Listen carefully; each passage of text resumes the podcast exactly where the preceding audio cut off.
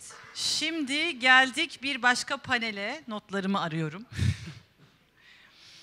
ee, anason Akdenizli bir bitki dedik zaten. Ama bizim bahsettiğimiz anason aslında Pimpinella anisum. Hiç anason tarlası görme şansınız oldu mu bilmiyorum ama ben e, pandemiden de önce, 4-5 yıl önce e, gittiğimde çok etkilenmiştim anason tarlası gördüğümde. Birazdan fotoğraflarda var, onları da göreceksiniz ama e, Hakan gezdirmişti hatta bizi. E, her taraf alabildiğine böyle bembeyaz, hafif pastel yeşil ve ortamda bir vızıltı var. O vızıltıları anlatır. Ben oradan rol çalmayayım. Ee, ama anason çok kıymetli bir şey. En çok da ne için kıymetli? Rakı için kıymetli. Rakı varsa anason var, anason varsa rakı var diyebiliriz aslında. Birbirlerini destekleyen e, iki çok önemli e, ürün. Bu e, biz anason üzerine e, bir tohum ıslah projesi gerçekleştirdi. E, şimdi ismini sayacağım kişiler beraber. E, bu paneli yönetmek üzere öncelikle sevgili Ali Ekber Yıldırım'ı, e, tarım profesörümüz Ali Ekber Yıldırım'ı davet edeyim. Buyurun. Buyurun efendim. Şu bir tanesini alalım bunun fazla. Özellikle e, Ali Ekber Bey'i Üretme Tüket ve Yeni Tarım Düzeni kitaplarını mutlaka e, tavsiye ederim açıkçası. E, bugünün hani tohumun ne kadar önemli olduğunu, daha doğrusu tarımın, yetiştirmenin, üretmenin ne kadar önemli olduğunu algılamak açısından. Ve ne kadar zor olduğunu aslında. Evet, aynen. Her geçen günde önemini daha da çok fark ettiğimiz bir sürü olay yaşıyoruz aslında. Sadece Anason üzerinden değil, her şey üzerinden. Ee, şimdi bu kıymetli projeyi, Anason'u, Anason Tohum Islah Projesi'ni anlatmak üzere de e, M2 Ege Bölgesi Ziraat Mühendisimiz Hakan Alparslan.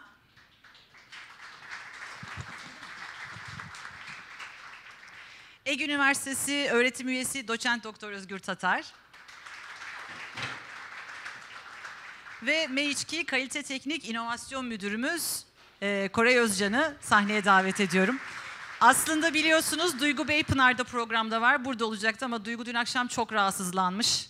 E, aklı burada biliyorum. Bizim de aklımız onda. E, dolayısıyla bugün e, panelimizde e, sevgili Dört Bey bize bunları anlatıyor olacaklar. Böyle kayabilirsiniz istiyorsanız birazcık daha. Azıcık daha böyle alalım. Evet. Sıkıştı orası çünkü biraz. Başka bir şey ekliyor musun? Çekiliyorum ben kenara. Yok sadece ya Koray e, biz e, Alaşehir'e fabrikaya geziye gittiğimizde hakikaten e, çok güzel şeyler anlatmıştı. Benim ufkumu açmıştı Duygu'yla da e, beraber. E, müthiş de bir tezi vardı. Çukurova Üniversitesi'nden mezun olurken değil mi? O tezin ismini okumak istiyorum çünkü hep not alıyorum. Anason tohumunun uçucu yağı ve aroma bileşimi üzerine yörenin etkisi. Bundan da bahsedeceksiniz diye tahmin ediyorum. Bir de rakı duyusal çemberine özellikle ben çok hoşuma gitmişti. Buradan böyle pas atmış olayım. Ağzına sağlık şimdiden. Çok çok teşekkür ederim. Çok sağ olun. Efendim ben tarım yazıyorum ama bugün çok keyifli bir toplantıya katıldığımı belirtmek istiyorum. Aslında biz üçümüz İzmir'den geldik. Sabah e, 50 dakika havada, 40 dakika karada, sonra da 3 bin adım atarak ancak havalimanının dışına ulaştık ve gerçekten tam böyle oldu. Ee, ama buraya geldim sabahtan beri izliyorum. Ya dedim ben yanlış yerde gazetecilik yapıyorum. Çünkü ben akşama kadar hocam biz üretemiyoruz, hocam mazot çok pahalı, hocam işte gübre çok pahalı diye hep bunları dinliyorum. Hep tabi bunlardan ben de etkileniyorum. Dolayısıyla fark ettim ki yüzüm gülmüyor benim.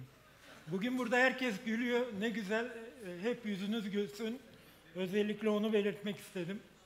Tabii e, Necla Hanım, Necla Zarakol bana bu panelle ilgili söyleyince biraz geriye doğru düşündüğümde aslında bir öz eleştiri de yapmam lazım.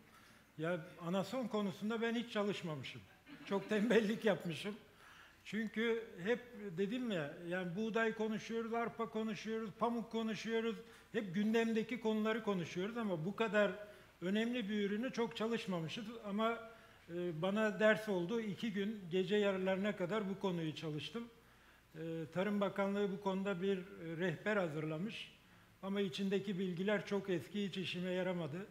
Dolayısıyla o bilgileri de yine kendim derleyerek ben eğer yazarsam bakanlık da bilgileri yenilemiş olur diye düşünerek biraz çalıştım açıkçası.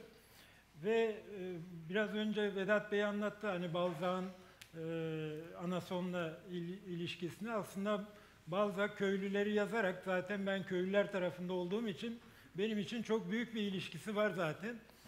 E, ve tarladan kadeye diyoruz. Bu artık dünyada da çok moda oldu. İşte çiftlikten çatala, işte tarladan sofraya, e, iç, içki olunca da tarladan kadeye oluyor.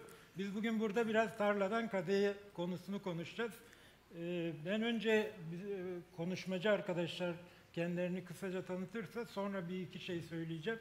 E, sonra da sizleri dinleyeceğiz daha çok. Ben moderatör olduğum için çok fazla konuşmayacağım.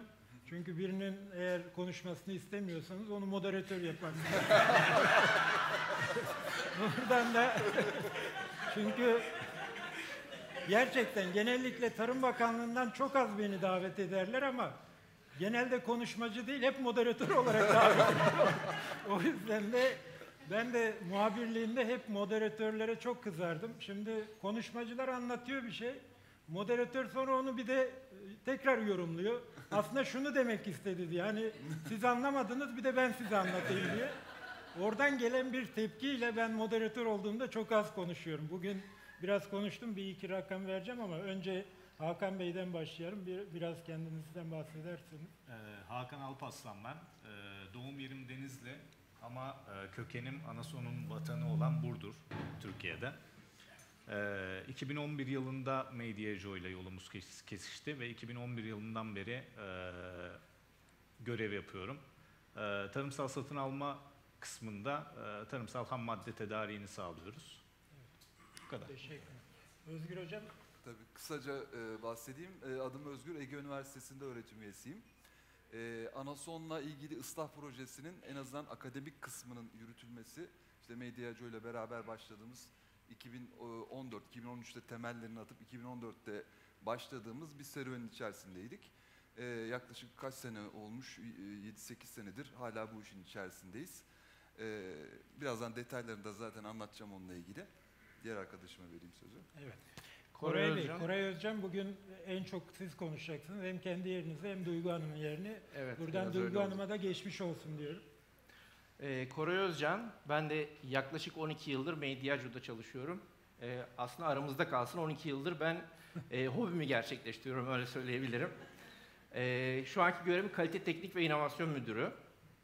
Ee, aslında rakıya olan tutkum e, Tekirdağ'da başladı benim. Ben Tekirdağlıyım.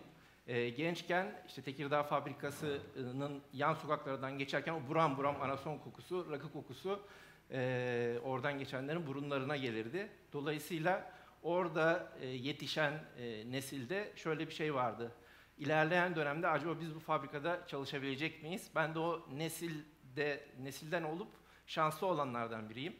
Ee, üniversite yıllarımda e, bir stajla May e, Diageo'ya dahil e, oldum ve sonra da bir daha zaten devam ettim.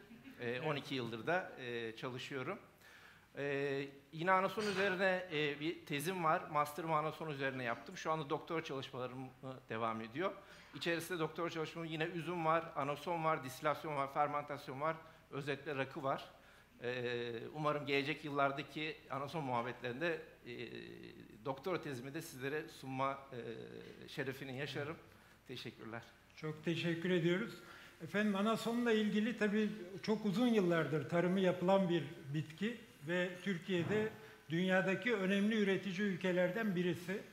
Ee, dünyada toplamda 2 milyon ton civarında bir anason üretiliyor ve bunda 1.4 milyon tonu Hindistan'da üretiliyor.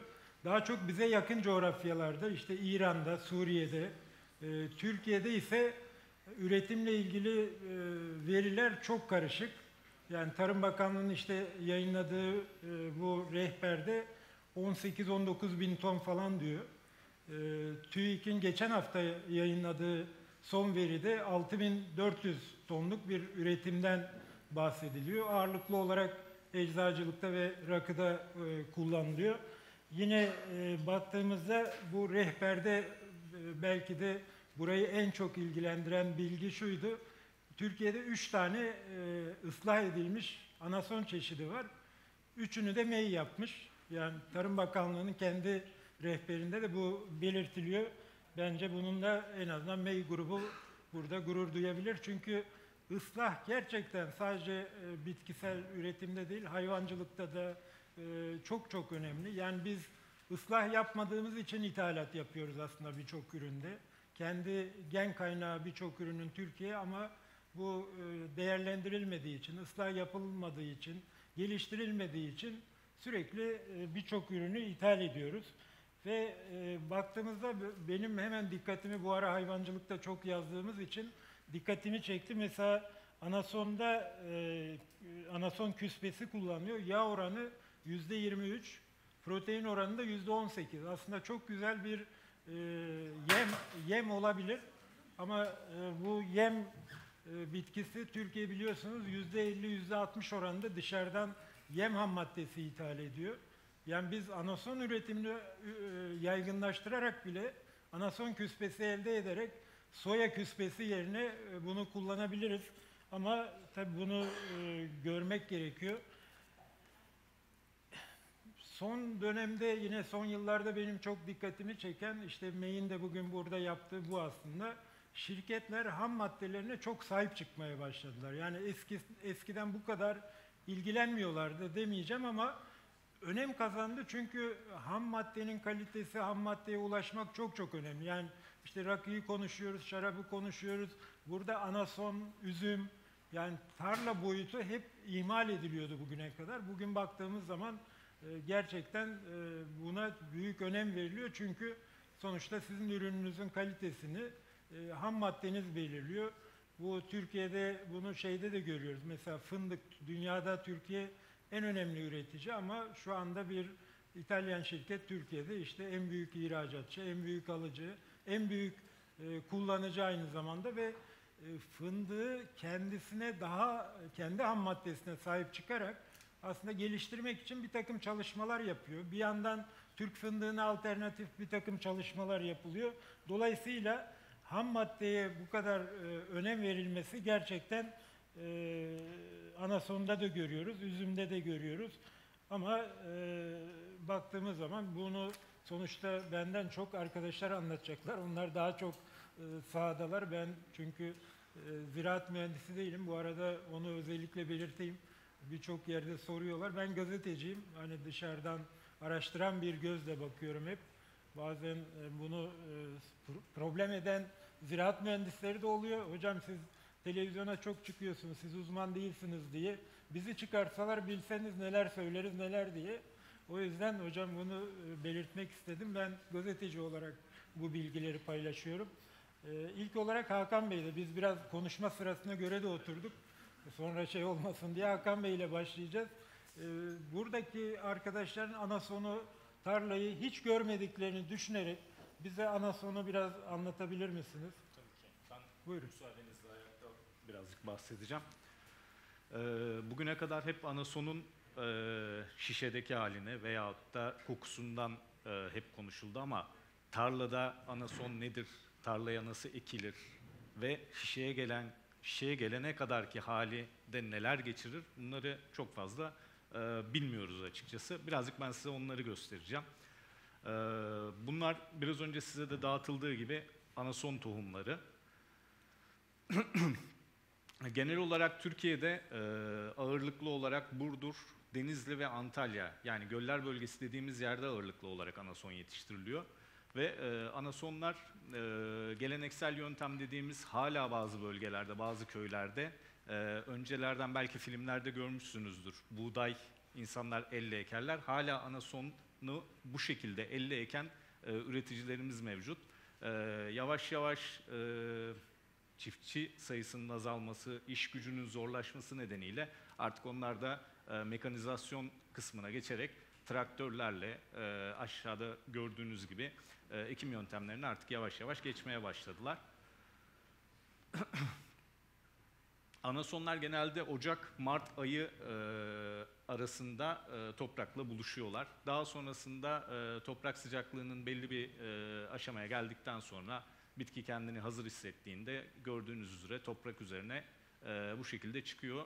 Fark ederseniz maydanoz bitkisine çok benziyor. İlk etapta insanlar girdiği zaman maydanozla çok karıştırıyorlar ama e, daha sonra dallanmaya başladığı zaman anasonu çok fazla e, fark edebiliyorsunuz ayrımını.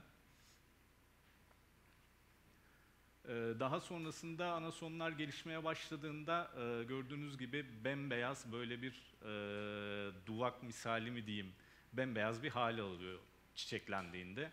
E, bu çiçek dönemi yaklaşık olarak ülkemizde Haziran ayı içerisinde görülüyor. Bu yılın soğuk geçmesine veya sıcak geçmesine göre kışın bir, hafta 10 gün erkenine bir hafta 10 gün geç kalabiliyor. Arı en önemli bizim için e, olmazsa olmaz diyebileceğimiz anasonda arılar.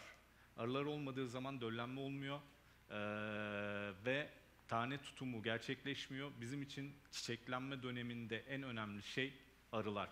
Arılar bir taraftan kendileri için bal için nektar toplarken aslında bizim için de rakıya ham madde sağlıyorlar. Çiçekten çıktıktan sonra e, taneler oluştuktan sonra gördüğünüz gibi daha yeşilimsi e, bir hal oluyor. Ve bu esnada artık e, içerisine bizim eteri yağ dediğimiz e, yağ depolamaya aslında siz onu anason kokusu diyebiliyorsunuz. Rakıdaki olayı eteri yağ, eteri yağ hapsetmeye başlıyorlar. Yaklaşık bu dönem bir ay kadar sürüyor. Bir ay sonrasında da artık hasat olgunluğuna gelen taneler yukarıda sağ tarafta gördüğünüz şekilde e, ilk önce elle e, topraktan yolunup e, yaklaşık 3-4 günlük kurumaya bırakıldıktan sonra altta patoz ve biçer döver yardımıyla tohumlar artık bitkilerinden ayrılarak e, şişeye girme zamanına geliyor. Anason tarımı bu şekilde. E, biz 2013 yılından önce artık e, Türkiye'de bazı sıkıntılarla karşılaşmaya başladık. Bunun e, sıkıntıların en büyük e, başında gelen şey eter düşmesiydi. Bizim için olmazsa olmaz eter kalite anlamında düşüş göstermeye başlamıştı. Ayrıca e, verim de düşmeye başlamıştı. E, çiftçiler daha iyi bir verim alsın, e, biz de kalite daha yüksek olsun, rakıda kullanacağımız anason daha kaliteli olsun diyerekten 2013 yılında e, Ege Üniversitesi'nde e, Profesör Doktor Muzaffer Tosun, Profesör Doktor Emine Bayram ve Doçent Doktor Özgür Tatar hocamızla ne yapabiliriz diyerekten 2013 yılında bir yola girdik. E, 2014 yıl 2013 yılında bunun temellerini attıktan sonra 2014 yılında e, hayata geçirdiğimiz bir projeydi. E, buradan sonrasını e, Özgür hocama devredeceğim. Çok teşekkür ediyorum. Çok sağ olun.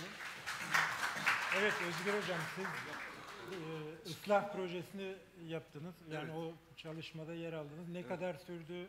Neden ıslaha gerek duyuldu? Tabii, Biraz bahsedeyim. e, Hakan Bey ucundan değindi ama onu da sizden dinleyelim. Tabii. Buyurun. Kalkayım orada mı sunayım? Tabii tabii nasıl Tamam, isterseniz. Nasıl ister, nasıl arzu İsterseniz en arkaya gidin oradan sonra. Gidebilirim var gerçekten. Biz derste gezebiliyorum yani. Şimdi e, merhabalar tekrar. E, ben ilk muhabbet deyince hemen gevşedim. Böyle bir sunum hazırlayayım, akademik bir şey. Çünkü bizde akademik sunumlar biraz sıkıcı. İşte materyal metot filan bilmem ne. Herkes bir açık arıyor, şey yapıyor, sıkıntı. Muhabbet deyince ben gevşek üç tane sunum hazırladım. Muhabbet etmeye geldim burada ama e, gerçekten çok etkilendim onu söyleyeyim. E, çünkü biz işin tarla kısmındayız. E, Ali Ekber Bey de söyledi. Çok da özendim. Çok teknik şeyler söyledi. Balzac'tan filan bahsediliyor filan. Dedim biz ne yapıyoruz şeyde? Abi orada gübre atıyoruz filan böyle bir şey değil.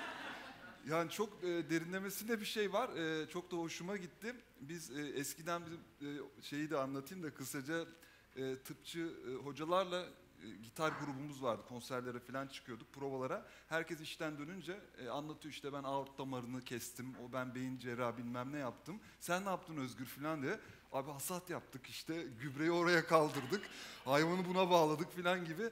Biz tarımcıyız. Gerçekten de böyle sonuçları olmasından e, ben çok mutlu oldum. E, böyle bir ortam içerisinde olmasından çok mutlu oldum. Tabii ki teknik bir iş. E, tabii ki sadece böyle hasat ettim, işte ürünü aldım diyebileceğimiz bir nokta değil. Biz e, 2013-2014 yıllarından itibaren başladığımız işbirliğinde Anason'un e, hem verimini stabil halde tutabilmek hem de bu uçucu yağ içeri ya da eterik yağ dediğimiz kısmı e, stabil tutup bir miktar yükseltmek için bir ıslah çalışması başlattık. Islah çalışmaları çok uzun süren çalışmalar. Özellikle e, genetiğiyle oynamıyorsanız, e, kısa sürede sonucu almayacaksanız muhakkak çaprazlama yapmanız lazım. Anneyi seçmeniz lazım, babayı seçmeniz lazım. Böyle başlayan bir süreç 5000 tane bitki bir popülasyon oluşturuldu ilk başta. İşte e, İspanya'dan tutun e, şeye Suriye, Mısır, Türkiye'nin farklı popülasyonları toplandı.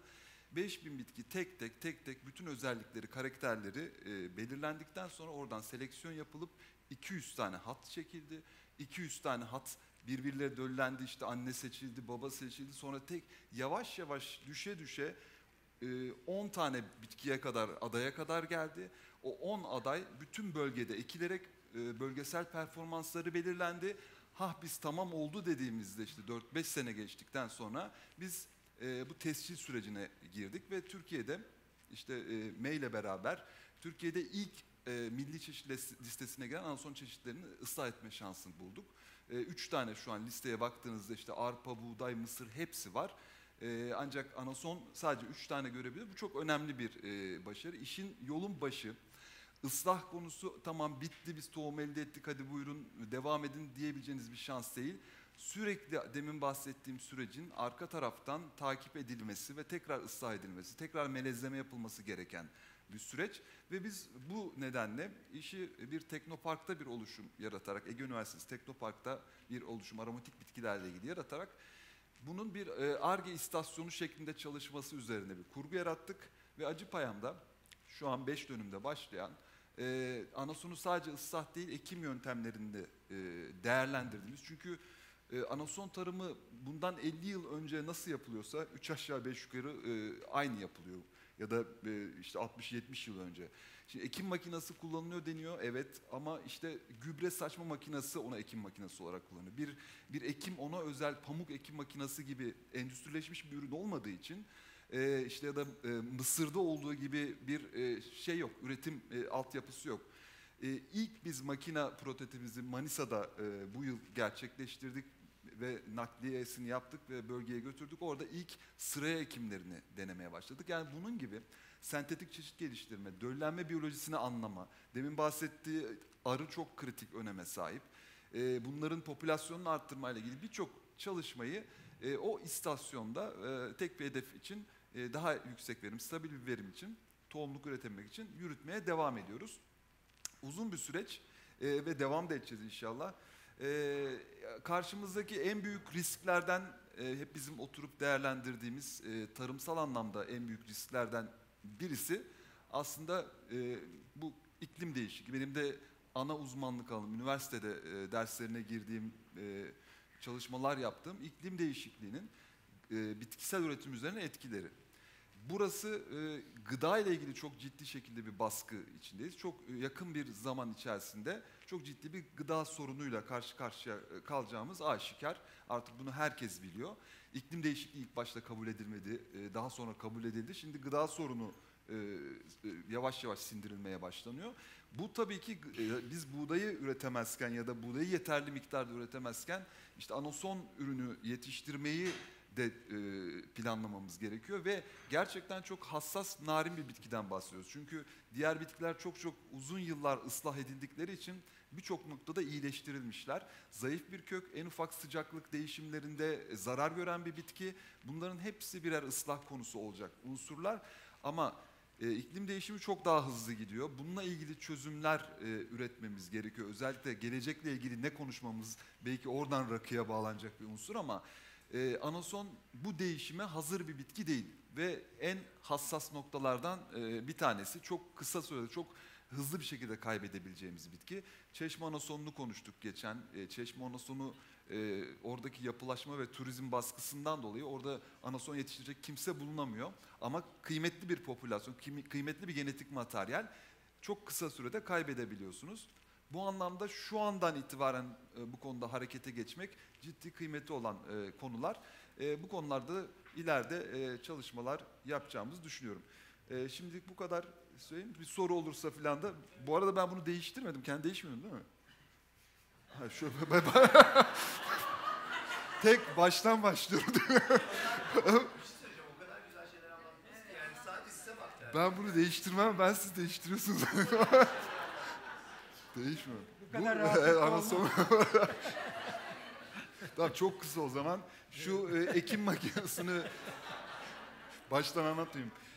Ekim makinesi işte bu sene denediğimiz daha e, şu an sadece bizde değil e, dünyada da bir anason ekim makinesi diye bir şey yok ama ilk adımlarını atıp bir sıraya ekimle ilgili arayı işlemek istiyoruz. Çünkü çok e, söyledi Hakan Bey de serpme ekim yaptığınız zaman tarlaya girip elle işçilik yapmanız lazım.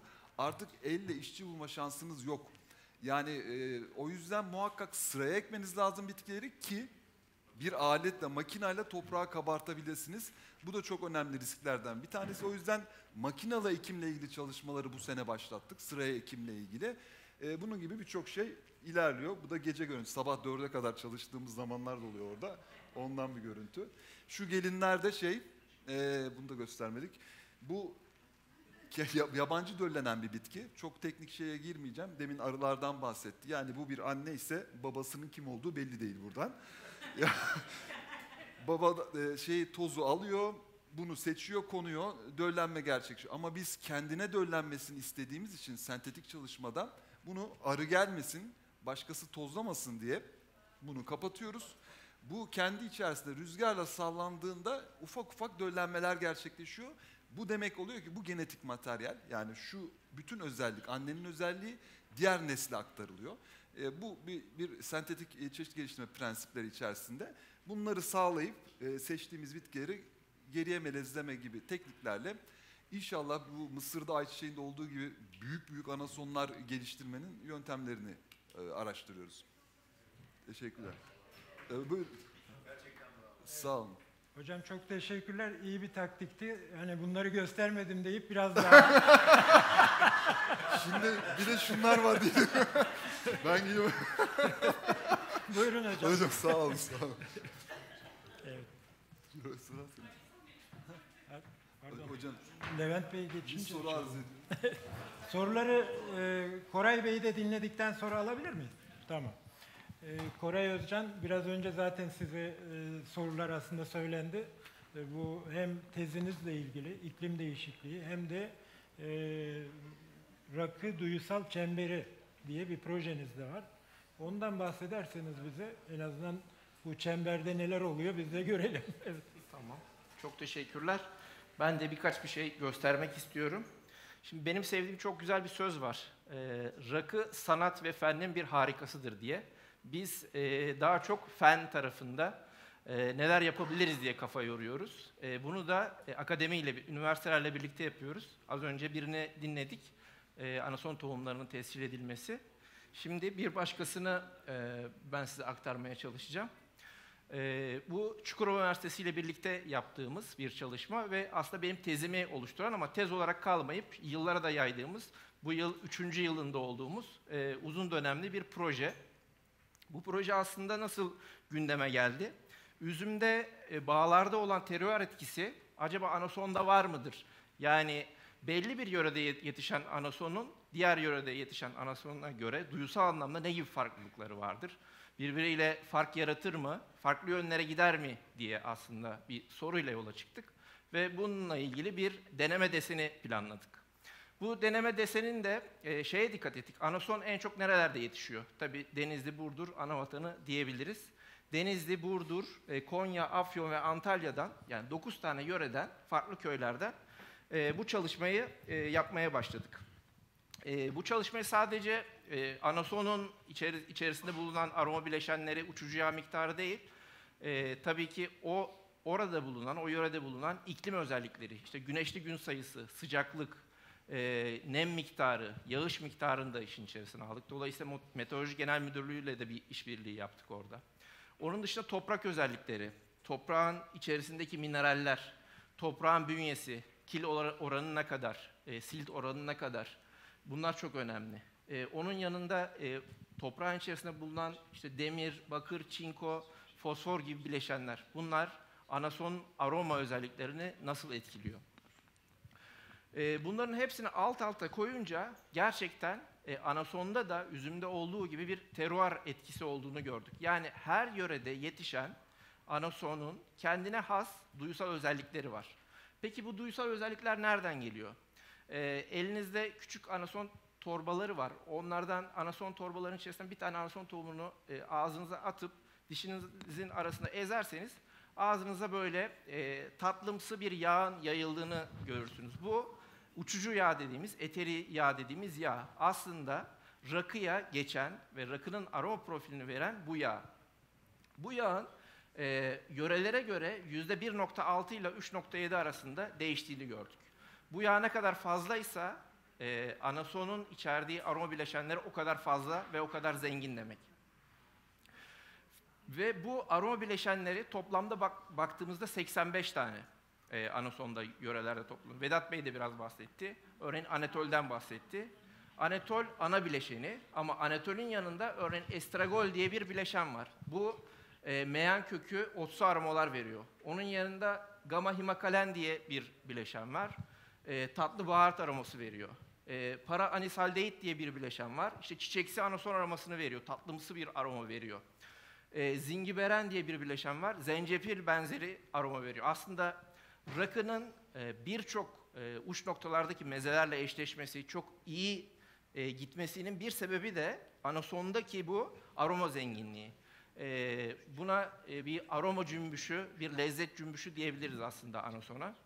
Diğer işte kişnişle, biberiye ile gibi kendi sınıfında olan başka aromatik bitkilere bitkilerle kıyasladığımızda anason hep bir adım önde olduğunu görüyoruz. Yani içerisinde 85 tane aroma bileşeni bulunan, aynı sınıfta bulunan e, diğer baharatlarla kıyasladığımızda anason bir adım önde. Hiçbirinde 85 tane yok. Buraya bir grafik koydum alta. Bu e, gaz kromatografisi cihazından bir görüntü. E, bu cihaza biz e, anason içerisindeki bulunan uçucu yağ veriyoruz ve analiz ediyoruz. Bu gördüğünüz her bir pik aslında bir aroma maddesi. Sadece bir kesit aldım. Dolayısıyla burada sakız aromasını da görebiliyoruz, zencefil aromasını da görebiliyoruz. İşte çiçeksi, meyvemsi aromalar da görebiliyoruz. Ee, bunu e, anason uçucu yağının DNA'sı olarak görebiliriz. Peki şeyle birlikte nasıl değişiyor? 5 ee, evreye ay- ayırırsak anasonun yetişme e, dönemini, örneğin ekim zamanı, vejetatif büyüme, çiçeklenme, meyve oluşma olgunlaşma ve hasat olarak ayırıyoruz bunu. Anason tohumu ekim ve vejetatif büyüme zamanında ne çok soğuk iklimi seviyor ne de e, sıcak iklimi seviyor. Ortada e, öyle daha ılıman iklim olduğu zaman uçucu yağ verimi daha yüksek oluyor.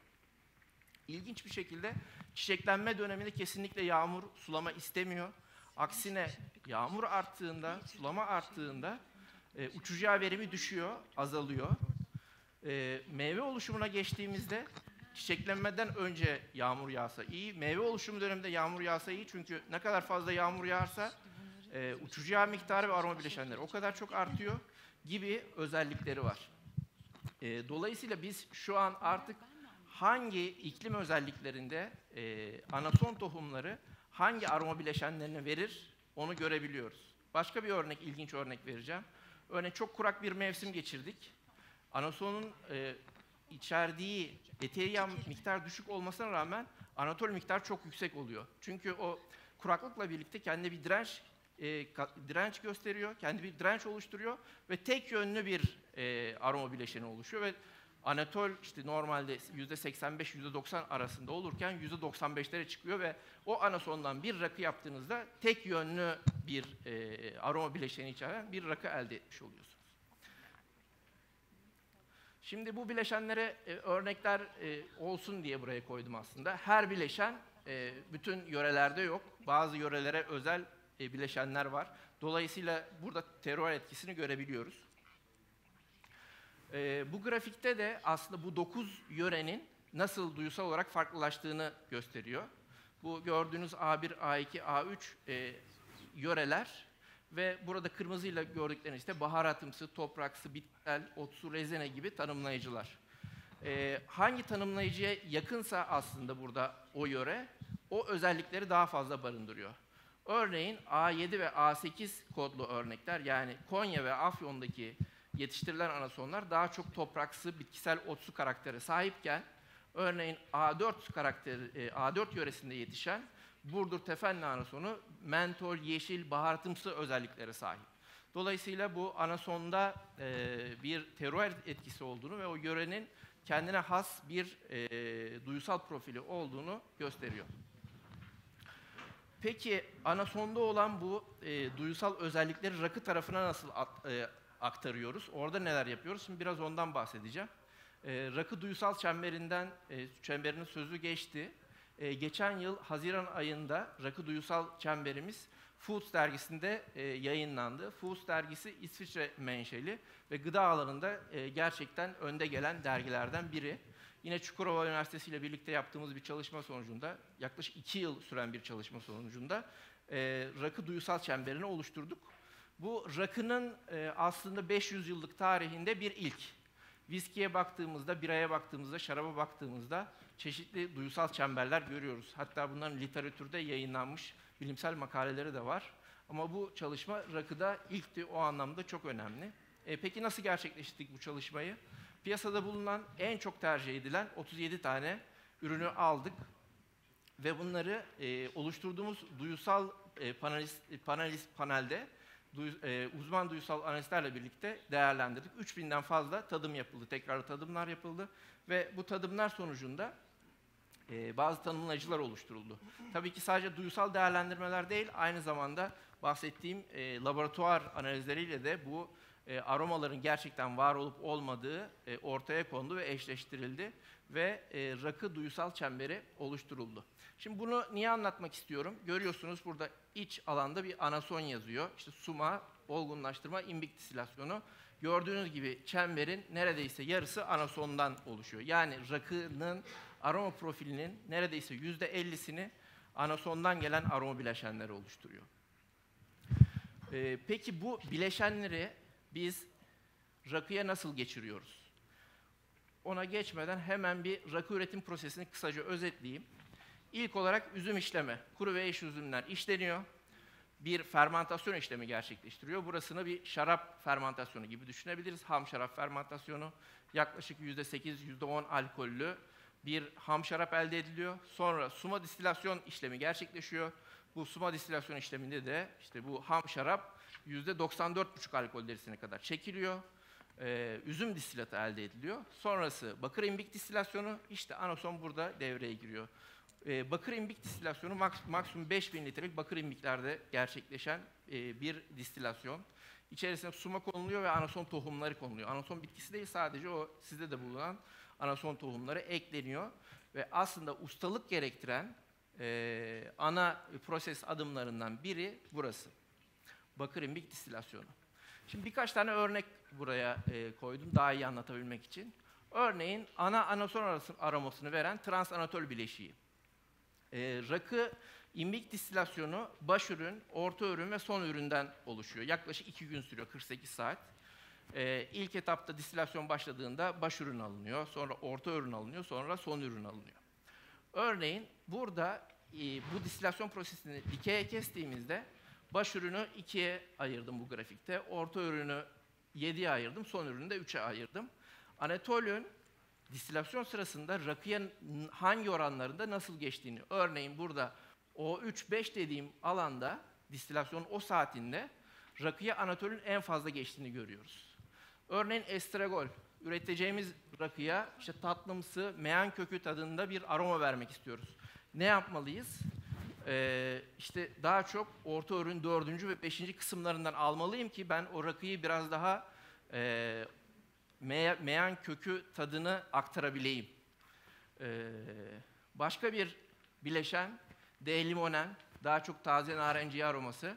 Burada da baş ürün tarafında daha fazla bunun e, ortaya çıktığını görüyoruz. Dolayısıyla rakı prosesini eğer hedef rakım benim e, daha çok taze narenciye aroması istediğim bir rakı olmasını istiyorsam orada daha çok baş ürüne doğru e, kaymam gerekiyor gibi hepsine tek tek girmeyeyim. İşte bu çiçeksi, damla sakız aroması vesaire hepsinde geçerli ve bu 85 parametre için geçerli. Rakı üretimine baktığımızda işte etil alkolle anason aromasını birbirinin içerisine katalım. Sonra rakı olsun, e, rakı benzeri bir ürün olsun diye bir algı e, oluşuyor maalesef ama e, rakı üretimi gerçekten çok bilimsel, teferruat içeren ve üzerine eğilmesi gereken bir konu. E, burada da e, grafiklerde de az çok e, bunu gösterebildiğimi düşünüyorum. E, burada da iki tane rakı koydum. E, rakı 1 ve rakı 2 olarak. E, anasondan gelen aroma bileşenleri var. E, bu aros, arasondan gelen aroma bileşenleri rakı bazlı nasıl değişiyor? E, onu e, göstermeye çalıştım. Örneğin gamma himakalen bileşiği işte iki rakıda da çok fazlayken zingiveren bileşiği kırmızıyla gösterdiğim rakıda daha zencefilken e, maviyle gösterdiğim rakıda e, daha az e, zencefil özellikleri içeren bir rakı. Dolayısıyla biz rakının e, kalitesini e, ve aroma dengesini bu şekilde sağlıyoruz. Ve rakı üretimi başlangıcından, ham maddeden final şişeye girip rafa çık- çıkana kadar 66 tane kalite kontrol noktamız var ve 550 tane parametreyi analiz ediyoruz. Bu parametrelerden her- herhangi biri umduğumuz gibi değilse tekrar proses başa dönüyor. Ee, o rakı piyasaya arz edilmiyor. Dolayısıyla çok değerli bir proses, çok kıymetli bir proses. Ee, umarım e, bu elde ettiğimiz bilgilerle, çalışmalarla e, mevcut bilgilerin üzerine koyarak gelecek nesillerin de e, bu çalışmaları e, görmelerini ve e, bizim yaşadığımız rakı kültürünü e, ve rakı tadını alabilmelerini sağlarız. Yani tüm emeğimiz bu e, bunun üzerine kurulu.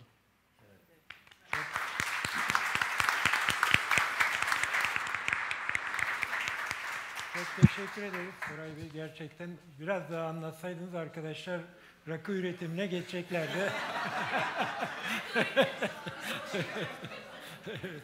Bir soru vardı. Evet, buyurun. Kime soracaksınız? Evet.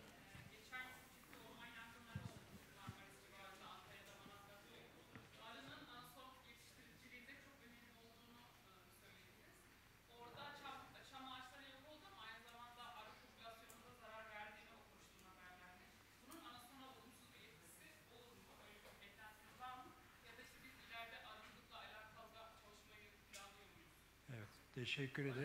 Buyurun. Cevap ben de girerim. Sen de söyle abi. Yok, hiç- Siz hocam. Evet, buyurun. O bölgeye lokal bir e, arı, arıya verilen bir zarar o. Bizim e, bölgelere e, çok bir zararı olmuyor. Ha, onun onun büyük bir zararı yok bize. Zaten şey arıyla alakalı Ankara'da e, TKV diye bir yer var. E, bir kuruluş. Onlar zaten arı üretimi yapıyorlar. E, yani o kaybolanların yeri bir şekilde dolduruluyor. Yani onun herhangi bir zararı yok bize. Özgür Hocam. Kısaca şey Evet. söyleyebilirim. Yani anason e, bitkisi çok atraktif bir bitki arı için. Yani başka alternatifleri varken anason varsa onu tercih ettiğini söylüyorum. Demin e, söylendi bir e, uğultu oluyor sürekli. Biz giremiyoruz tarlaya onun içerisine. E, o yüzden e, arıların çok tercih ettiği bir şey. E, şu an için öyle bir sorun yok ama tabii bu tür e, çevresel sorunlar oldukça uzun vadede muhakkak bunun etkileri yaşanıyor. Yani Evet. o, o bölge için olmuyordur ama ileride sıkıntıdır. yani. Evet. Sağ olun. Çok teşekkürler. Başka soru var mı? Buyurun. Yani soru değil de aslında katkı gibi olacak. Bu sunumu ne olur başka yerde yapmayın. Çünkü e, Konya'da gidip de buğday tarlasının içine organize sanayi bölgesi kuranlar bunu seyreden ne kurmaz değil mi? Başka var mı soru? Ee, Gördüğüm kadarıyla yok. yok. Ee, biz size verelim. Basılı olarak Evet. var. Olur mu? Tamam. Ben Buyurun, mo- kapanış için. moderatör, moderatör olarak son özeti yapayım. Hani moderatörler yapmaz dedin. Ee, şunu anladık ki bizim panelde çiftçi olmazsa, anason olmazsa, arı olmazsa kaliteli rakı içemeyeceksiniz. Çok teşekkür ederiz.